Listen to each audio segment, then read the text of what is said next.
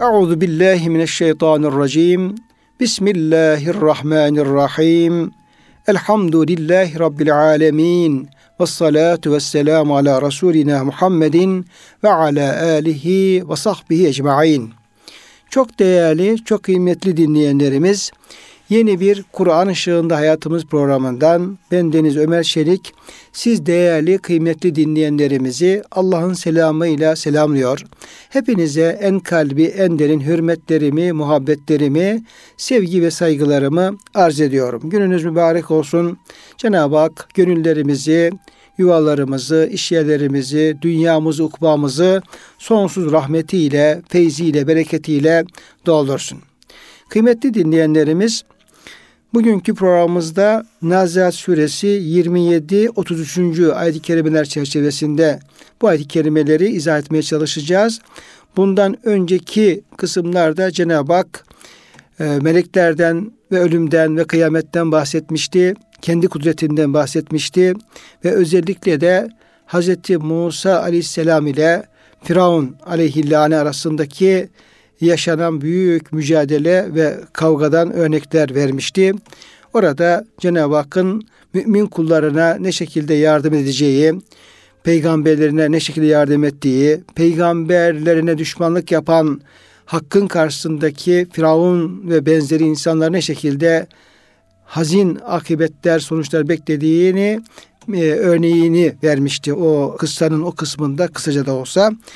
Burada ise esas Nazihat suresi Cenab-ı Hakk'ın kıyametleri koparacak, insanları yeniden diriltecek, hesaba çekecek, sonsuz kudrete sahip olduğunu beyan etmek üzere gelen Mekki sürelerden bir süre olduğundan dolayı da Cenab-ı Hak devam eden ayet-i kerimelerde yine o sonsuz kudretine, azametine, büyüklüğüne ve bizleri yeniden diriltmeye kadir olacağına onu ifade eden örnekler vermekte, hususlardan bahsetmekte ve yine kudret tecellilerinden bahsetmekte bu ayet-i kerimelerde.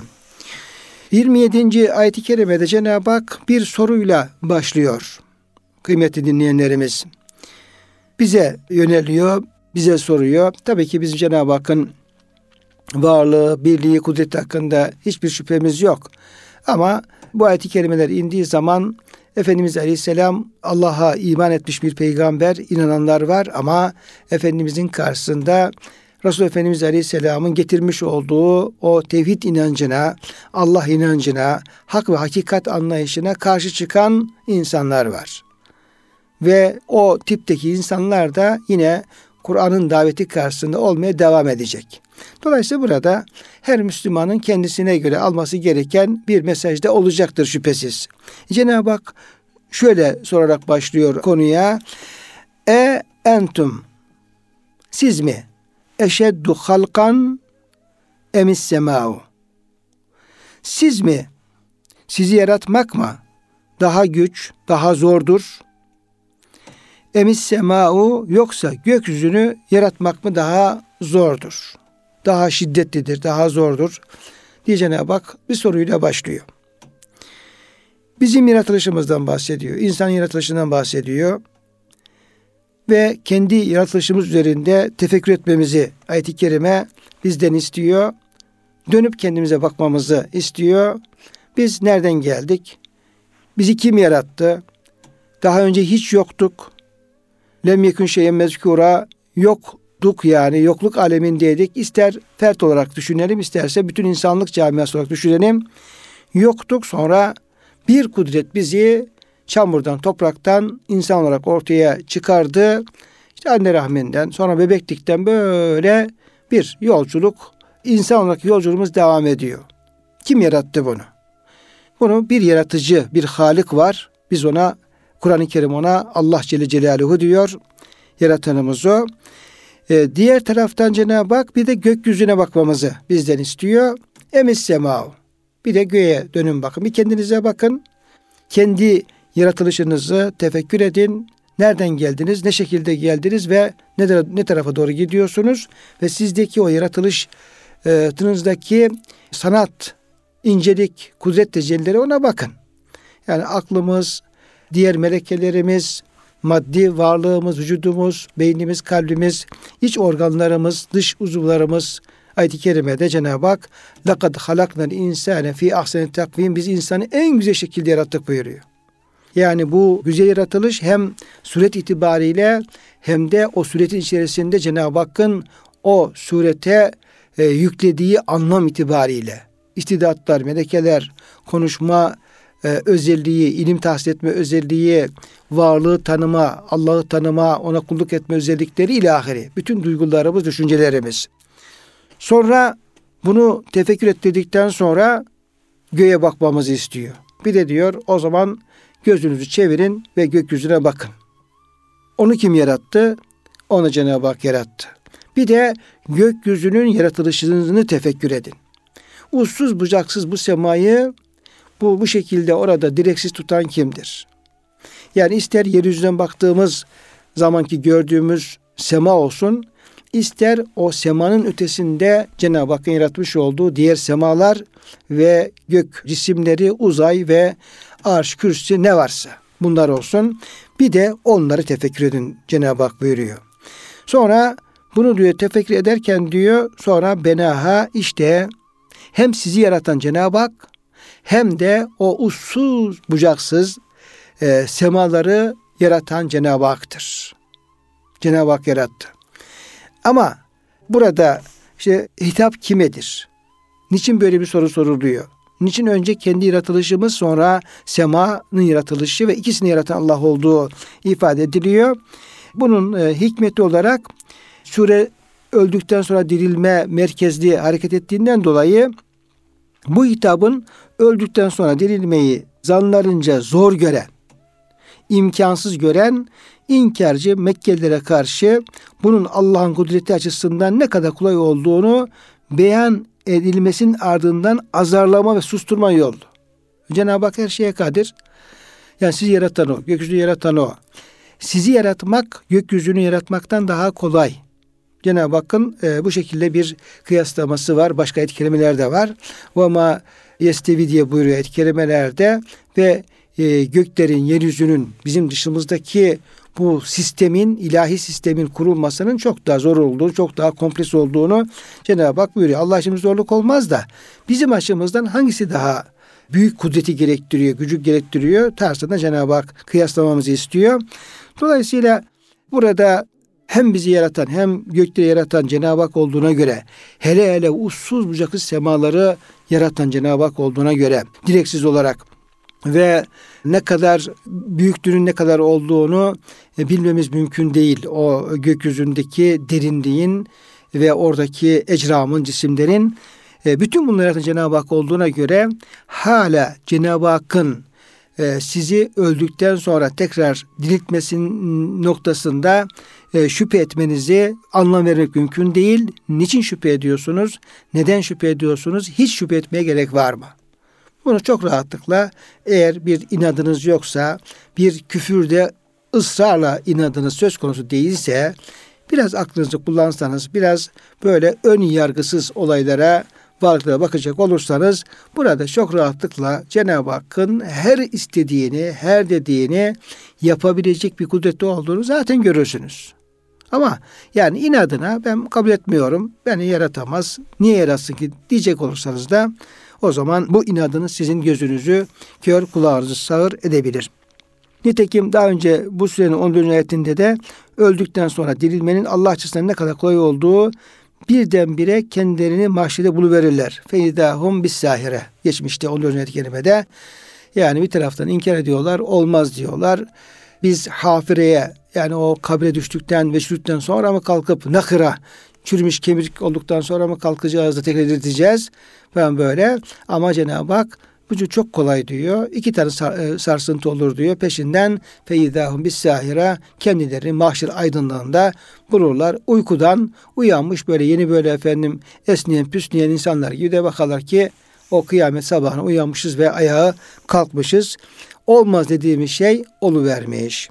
Dolayısıyla burada da e, bu ayeti kerimenin e entum eşeddu halkan emis semâhu sizi yaratmak mı daha zor yoksa gökleri yaratmak mı daha zor? Benaha Cenab-ı Hak ne yaptı? O bütün uçsuz bucaksız gökleri Cenab-ı Hak bina etti, yarattı. Bütün varlığıyla beraber, içindekilere beraber dolayısıyla bu şekilde yaratma gücü kudreti olan Cenab-ı Hakk'ın sizi ilk defa yarattığında şüpheniz yok. Ve lekad alimtum neşetel ule efle tezekkerun. Yani sizi kim yarattı diye soruyor Cenab-ı Hak müşriklere. Bizi Allah yarattı diyorlar. Onlara yeri göğü kim yarattı diye soruyor, sorsanız diyor Allah derler. E madem sizi ilk defa yarattığına efendim inanıyorsunuz. Hiç yokken, hiç yokken yok denecek kadar bir damla sudan, çamurdan, topraktan yarattı inanıyorsunuz da Cenab-ı Hak ısrarla ben sizi tekrar öldüreceğim, tekrar dirilteceğim. Kesinlikle bu gerçekleşecek dediği zaman niye inkar ediyorsunuz? Dolayısıyla burada onlara bir tevbih, bir azarlama sorusu e, sorulmaktadır. Aynı zamanda bu konuda Cenab-ı Hakk'ın kıyameti getirme noktasında şüphesi olan kimselere de Cenab-ı Hak yine bu soruyu yöneltmektedir. Ola ki insanlar içerisinde tıpkı Mekke'de müşriklerin e, müşriklerde olduğu gibi yine insanlar arasında e, ahiret olmaz, kıyamet olmaz diye düşünenler olabilir. Bu konuda şüphesi olanlar olabilir ki vardır. En zor inanç esaslarından insanın kalbine yerleştirmesi en zor olanı ahirette yenildiği imandır ve bunu kesinlikle tasdik edip benimsemesidir. Bu noktada pek çok insanın problemi olduğu da görülmektedir. Biz bu yaşadığımız hayatta bunun örneklerini ve tezahürleri görüyoruz. Dolayısıyla Cenab-ı Hak ısrarla bu iş olacak ama bu konuda gafil olmayın. Feydahum bis sahira yarın mahşer yerine uykudan uyanırcasına uyandığınız zaman iş işten geçmiş olur. Aman dikkatli olun diye bir uyarıda bulunmaktadır. Burada tabi Cenab-ı Hak gökle alakalı olarak benaha kelimesini kullanıyor kıymetli dinleyenlerimiz. Yani bina etti. Bena e, Arapça kelime olarak bina etti ki biz bina etmeyi kullanıyoruz. Yani yaptığımız evlerde, inşaatlarda zaten o evlere bina diyoruz mesela. Bina diyoruz, binalar diyoruz. Arapça o kelimeyi e, Türkçemizde de kullanıyoruz. E, burada bina ettiği sözüyle beraber yoksa gökyüzünü yaratmak mı e, ifadesinden anlaşılan yaratmanın nasıllığını açıklamaktadır ve onu bize izah etmektedir. Ve e, buradaki e, binanın da tavan anlamında kullanıldığı ifade ediliyor e, tefsirlerde. Çünkü gökyüzü bizim üzerimize yükseltilmiş bir tavan gibi durmaktadır. Baktığımız zaman nasıl ki evin içerisinde e, yukarı baktığımız zaman odanın üst tarafını, evin üst tarafını bir tavanın e, kapladığını görüyoruz, tavanı görüyoruz. Ve e, Cenab-ı Hak da o büyüklüğüne rağmen gökyüzünü biraz tefekkür edebilmemiz açısından evreni bir e, eve benzetiyor. Bulunduğumuz yeri bir tabana benzetiyor. Gökyüzünü de o evin tavanına benzetiyor. Ve o aklımızın, hafsalamızın alamayacağı kadar çok geniş olan bu evreni, kainatı bizim idrakimiz sınırlarına indirebilmek için Cenab-ı Hak bu ifadeleri kullanıyor. Çünkü Cenab-ı Hakk'ın muradı bizi irşad etmek, bizi ikaz etmek, bizim aklımızı çalıştırmak ve söylenen şeyleri idrak edebileceğimiz bir seviyeye indirmek Rabbimizin muradı bu. Bizim anlamamız. Bunu murad ettiği için de bu şekilde yapıyor. Bina etme fiilinin burada binanın üst katları ve yukarıları için değil de alt kesimleri için kullanılması bir nükteye işaret etmek içindir. O nükte de şudur, gökyüzü her ne kadar üzerimizde kurulmuş bir tavan ise de bozukluktan ve çatlaklıktan uzak olması açısından bir bina gibidir. Zira bina tavana oranla çatlaktan ve bozukluktan daha uzaktır. Dolayısıyla burada birinci ayet-i kerimede tekrar e, edecek olursak Cenab-ı Hak bir soru soruyor. E, bu soruyla beraber bizi bir tefekküre davet ediyor kendi kudreti üzerinde tefekküre davet ediyor. Bir insanın yaratılmasından bahsediyor. iki göklerin yaratılmasından bahsediyor. Her ikisini yaratan Allah olduğunu beyan buyuruyor. Ve özellikle de göklerin yaratılmasının, evrenin yaratılmasının bir insanın ister ilk yaratılışı olsun, ister öldükten sonra tekrar diriliş olsun, bunlar yanında insan yaratılmasının çok daha kolay, basit olduğu ifade ediliyor.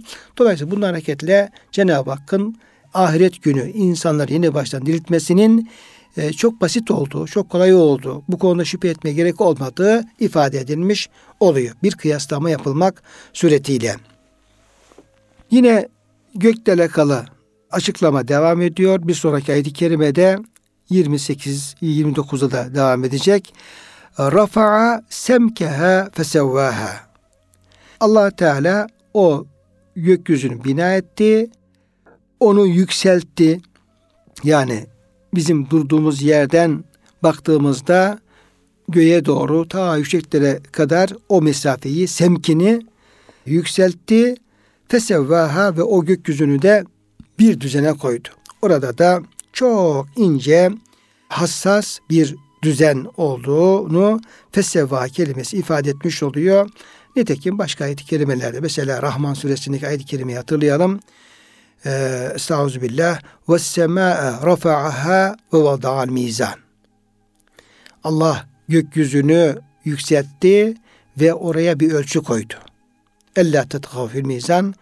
Nasıl ki Cenab-ı Hak yarattığı bütün varlıkları bir ölçüye göre yaratmış durumda ise Cenab-ı Hakk'ın yaratmasında çok hassas, çok ince bir ölçü söz konusuysa ve Cenab-ı Hak kesinlikle ölçüsüz, e, düzensiz, hikmetsiz bir şey yaratmadığına göre ella tetgav fil mizan ey insanlar siz de kesinlikle Allah'ın gönderdiği mizana ölçüye uyun ve e, haksızlık yapmayın. Ölçüyü bozmayın.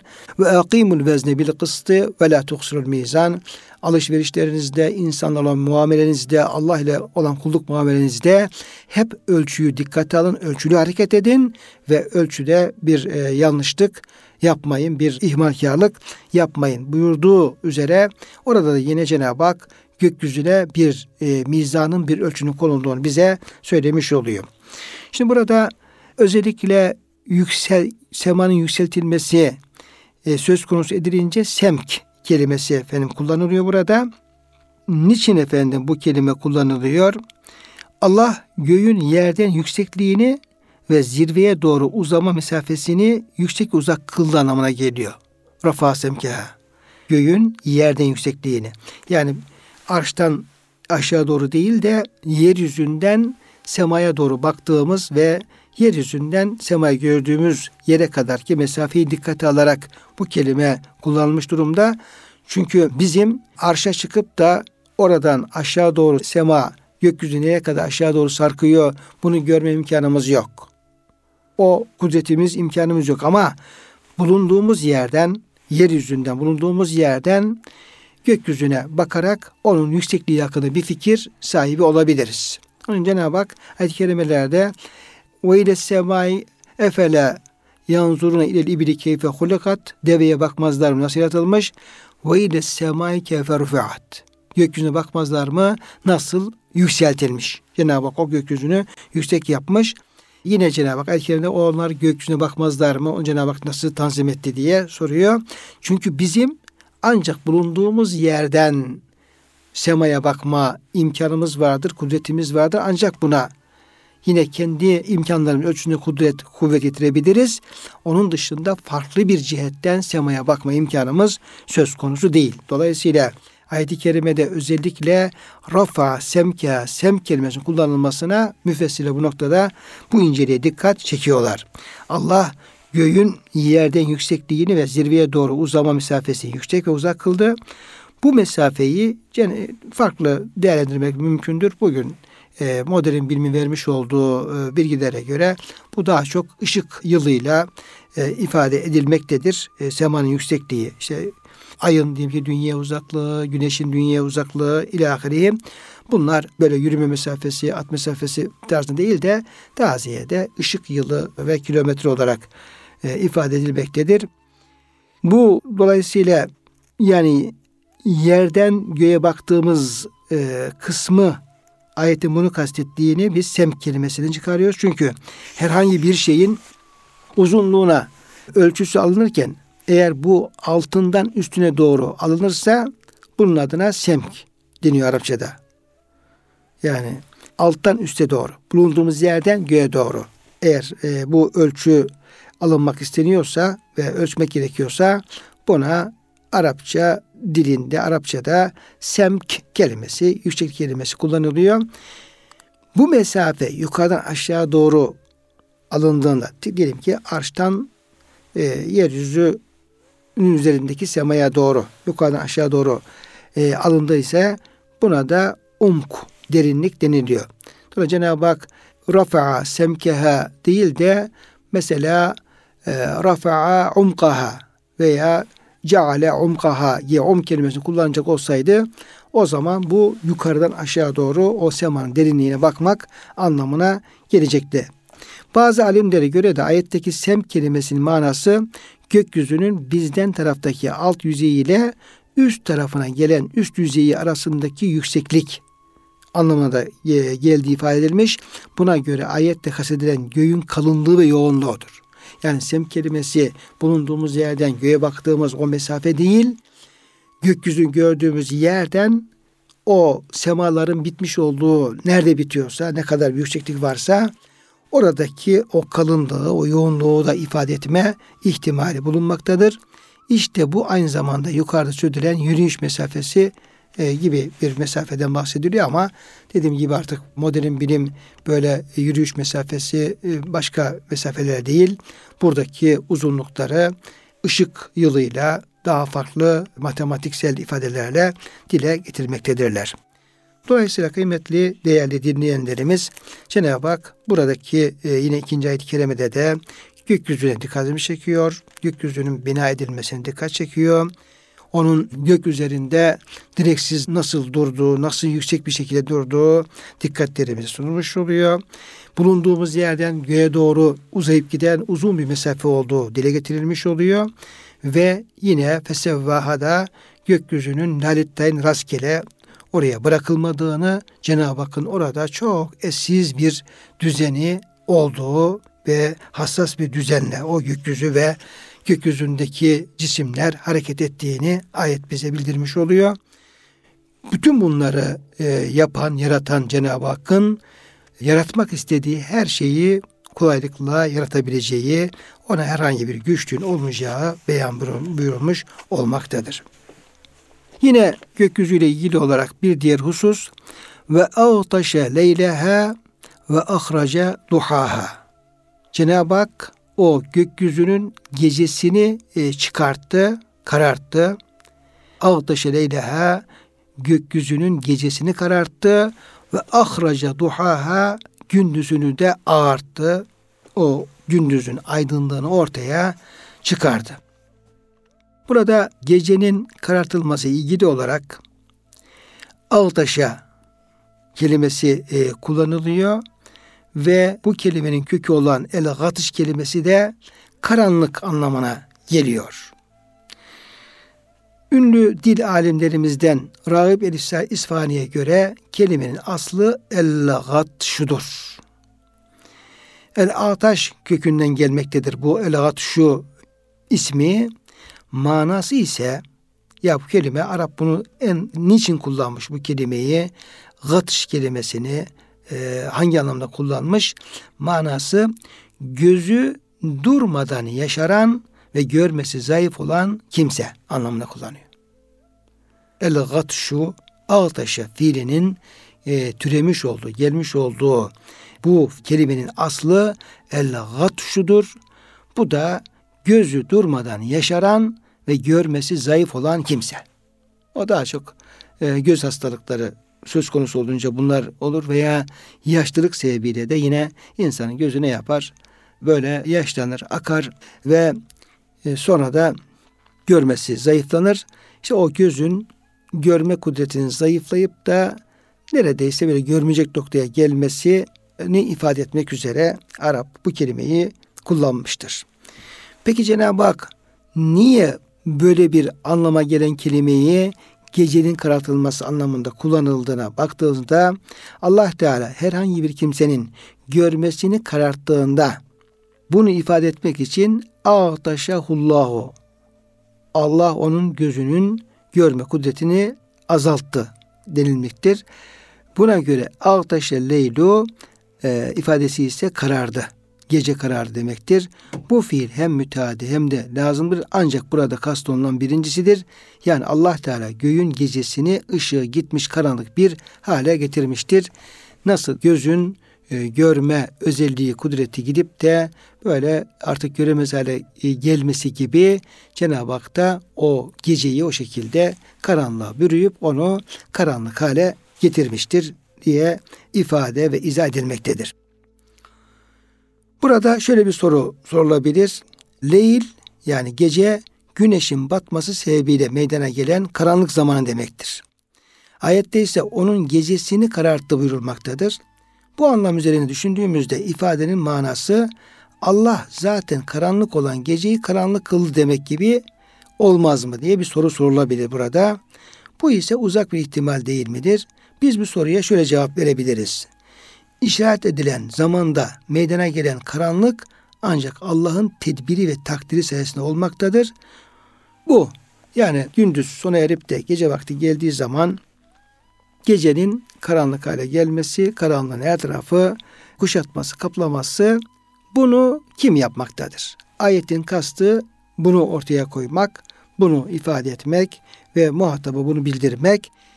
O gündüzü götürüp de o gece karanlık geceyi getiren ve geceyi karanlık kılan zat Allah Celle Celaluhu'dur. Bunu yapmaktadır.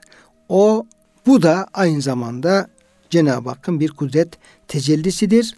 Dolayısıyla bunu yapan Allah'ta kadir olan, kadri mutlak olan her şeye kudreti yeten bir Allah olduğuna bir delildir. Gecenin gelmesi, gecenin kararması onun sonsuz kudretinin bir delilidir. Bunu yapan Cenab-ı Hak'tır.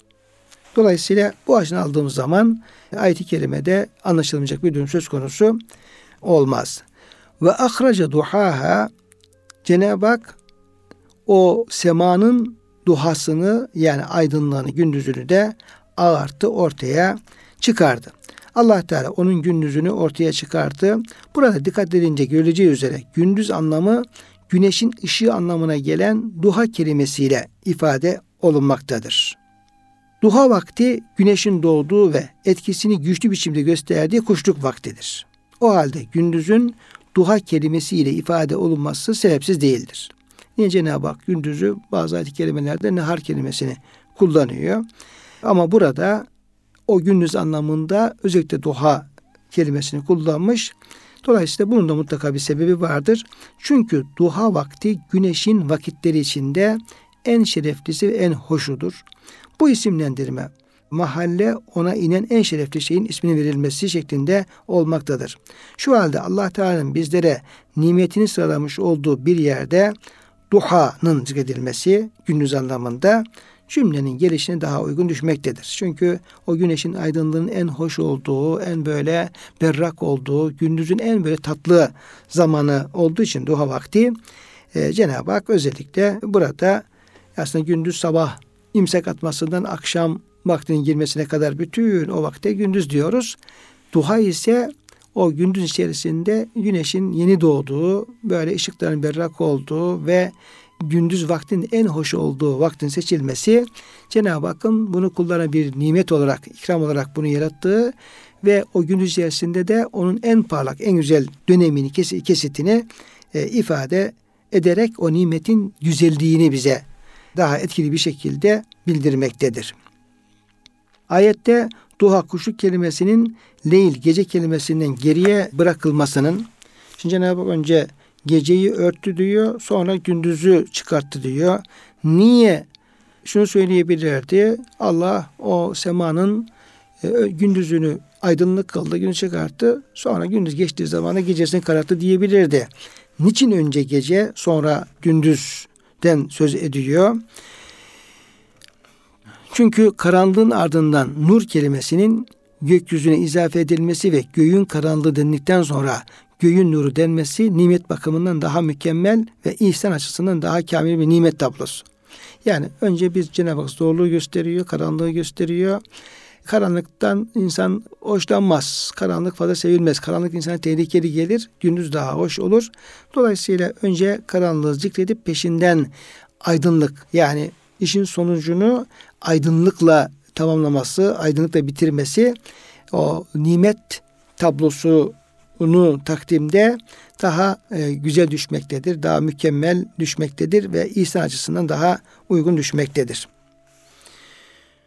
Bir de burada ayet-i kerimede gece ve duha kelimelerinin gökyüzüne izafe edilerek göğün gecesi ve göğün gündüzü denmesi dikkatlerimizi çekiyor.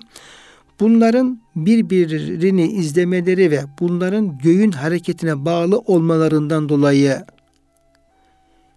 bunların birbirini izlemeleri ve izlemeleri ve bunların göğün hareketine bağlı olmalarından dolayı Cenab-ı Hak ayet-i kerimede geceyi de gündüzü de göğe izafe ediyor, göğe nispet ediyor. Kendisine izafet yapılan sema gök kelimesi ile gece ve gündüz kelimeleri arasındaki ilişkiye gelince bunların arasında gündüz ile gece kelimesinin gök kelimesiyle aralarındaki en ufak ilişki izafet için yeterlidir diyor. Yine duha kelimesinin gök kelimesine izafet edilerek göğün gündüzü denmesi güneş kelimesinin araya katılması süreci de olabilir. Buna göre ifadeyi takdir eder, edersek şöyle denmiş olur. O göğün güneşinin ışığını çıkardı. Burada güneş kelimesinin duha kelimesiyle ifade olunması duha yani kuşluk vaktinin güneşin etkisinin ortaya çıktığı ve parlaklığının kemal erdiği vakit olmasından dolayıdır. Yine İmam Zahid şöyle buyuruyor. E, dünyanın gündüzü ve gecesi dönen güneş ve ayın yaratılması sebebiyle gökyüzüyle ortaya çıktı, aşikar oldu anlamındadır ayet-i kerime. Kıymetli dinleyenlerimiz ayetle ilgili olarak yine alimlerimizden biri şöyle bir açıklama yapıyor. Ruhul Beyan tefsirimizde geçtiği üzere diyor ki Arapçada leyl gece kelimesi müzekker, nehar gündüz kelimesi ise müennestir. Malumlarınız e, Arapça dil yapısı itibariyle özellikle varlıkları müzekker olarak, müennes olarak ayırmaktadır ve çok ayrıntılı bir şekilde o varlıklardaki müzekkerlik ve müenneslik hususu dikkate alınmaktadır dilde. Hatta sadece insan ve hayvanlarda değil, aynı zamanda cansız olarak telakki ettiğimiz varlıklarda bile işte gece gibi, gündüz gibi, sema gibi, arz gibi, işte ağaç gibi, kuş gibi o varlıklarda da yine e, dağ gibi o varlıklarda da yine dil o müennes ve müzekkerlik özelliğine hep özeline dikkat et, ettiğini görüyoruz. Böyle bir özelliği vardır Arap dilinin. E, o bir zenginliktir tabi. O dil için çok büyük bir ayrıcalıktır. Şimdi burada bakıyoruz ki e, leyl gece kelimesini Arapça ve Cenab-ı Hak da bunu Arapça ifadelerle Kur'an-ı Kerim indirdiği için değil kelimesi müzekker, nehar gündüz kelimesi müennes. Biz bunlara yine semai müennes ve müzekker diyoruz. Yani dile bağlı olarak, kulağa bağlı olarak bu şekilde dil teşekkür etmiş, bu şekilde öğrenilmiş, bu şekilde anlaşılmış, bu şekilde bize kadar gelmiş. Yani niçin geceye müzekker diyoruz, gündüze müennes diyoruz bir tartışma yapmıyoruz. Yani dilde bu şekilde bu kural yerleşmiş. Atadan babadan belki de Cenab-ı Hakk'ın dilleri yaratma tecellisinden başlayarak böyle yerleşmiş. Böyle yerleşmiş. Dolayısıyla bunları bu şekilde ne yapıyoruz? Kabul ediyoruz. Peki hikmetine bakacak olursak niye gece müzekker gündüz müennes olmuş da tersi olmamış? Alimlerimiz buna bir hikmet beyan ediyorlar. E, bir sebep beyan ediyorlar. Bunu izah etmeye çalışıyorlar. Gece gündüzü örtüp bürüyünce gündüz hamile kalmış ve doğum yapmıştır. Gündüzün bu şekilde doğumuyla bütün varlık alemi zamanın örtüsünü yırtıp ortaya çıkmıştır. Şu halde bu doğrulan kainat zamanın çocuklarıdır. Gündüzün geceden çıkarılması Havva'nın Adem'den çıkarılması gibidir. Nitekim allah Teala şöyle buyuruyor. Gece de onlar için bir ibret alametidir. Biz ondan gündüzü sıyırıp çekeriz de onlar karanlıkta gömülürler. Ve ayetül lehumul leyl neslehu minhun nehara feyda muzlimun gündüzü ondan çekeriz de onlar karanlıkta kalırlar. Bir başka ayet-i kerime çünkü Allah geceyi gündüze katar, gündüz de geceye katar. Tıpkı Hz. İsa'ya, Hz. Meryem'e, Hazreti Havva'yı da Hazreti Adem'e kattığı gibi Allah gündüzün çocuklarına hitap ettiği zaman geceyi katar buyurmakta. Gecenin çocuklarına hitap ettiğinde de gündüzü katar buyurmaktadır. Burada böyle bir inceliğe dikkat çekiliyor. Özellikle karanlığın o aydının üzerini örtmesi, kaplaması ve bunun da ağ taşı kelimesi ifade edilmesi yine yani gaşiye sarmak, bürümek Cenab-ı Hak e, Kur'an-ı Kerim'de mecazi ifade olmak üzere yine karı koca ilişkiden bahsederken bu kelimeyi kullanıyor.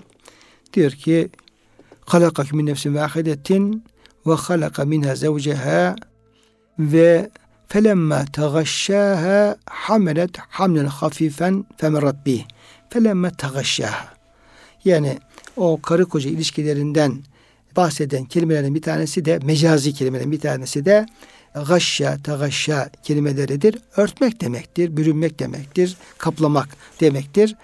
Dolayısıyla mecaz olarak bu anlamda kullanıldığı için gece ile gündüz arasındaki ilişkide de yine o kelimenin hareketle böyle bir benzetme yapılmış ve gecenin müzekir olması, gündüzün müennes olması semai de olsa yani dil bu şekilde bunu kabul etmiş. Oradan da yine böyle bir benzetme, böyle bir teşbih ortaya çıkmaktadır.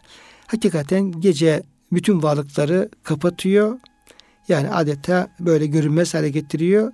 Ama gündüz değil de bütün varlıklar ortaya çıkıyor, gözüküyor. Sanki gündüzde gece onu gündüzü e, hamile bıraktı da gündüz sabahleyin o bütün varlıkları doğurdu, ortaya çıkardı gibi bir manada yine e, dikkatleri çekmiş oluyor. Yine e, alimlerimizden birisinin bu ayet-i kerimeyle alakalı şöyle bir açıklaması var.